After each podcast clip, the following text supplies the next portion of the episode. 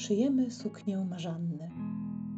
Układamy szerokie plisy z podartych podszewek, z poplamionych serwetek. Babcia przebija je igłą i fastryguje białym łańcuszkiem. Opieramy się łokciami o stół, który skrzypi nam swoją opowieść. Józef jest teraz zmęczonym starcem. Siwe włosy spływają mu na ramiona. Przycina deski na stół. Słońce piecze niemiłosiernie. Ziemia jest spragniona deszczu.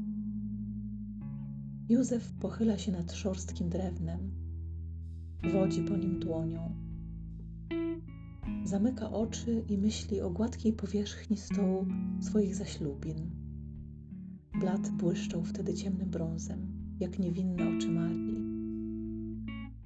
Kawałki ciepłego chleba w rękach dziecka, dwie białe gołębice w świątyni, woda, która zmieniła się w wino, Baltazar i syn marnotrawny, i chory, który ozdrowiał, i dwie gościnne siostry.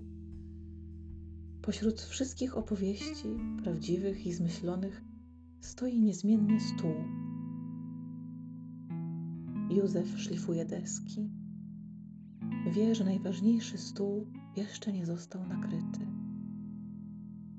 Wierzy, że takie właśnie będzie zakończenie tej historii. Przy stole. Bo cóż ważniejszego można wyciosać z drewna?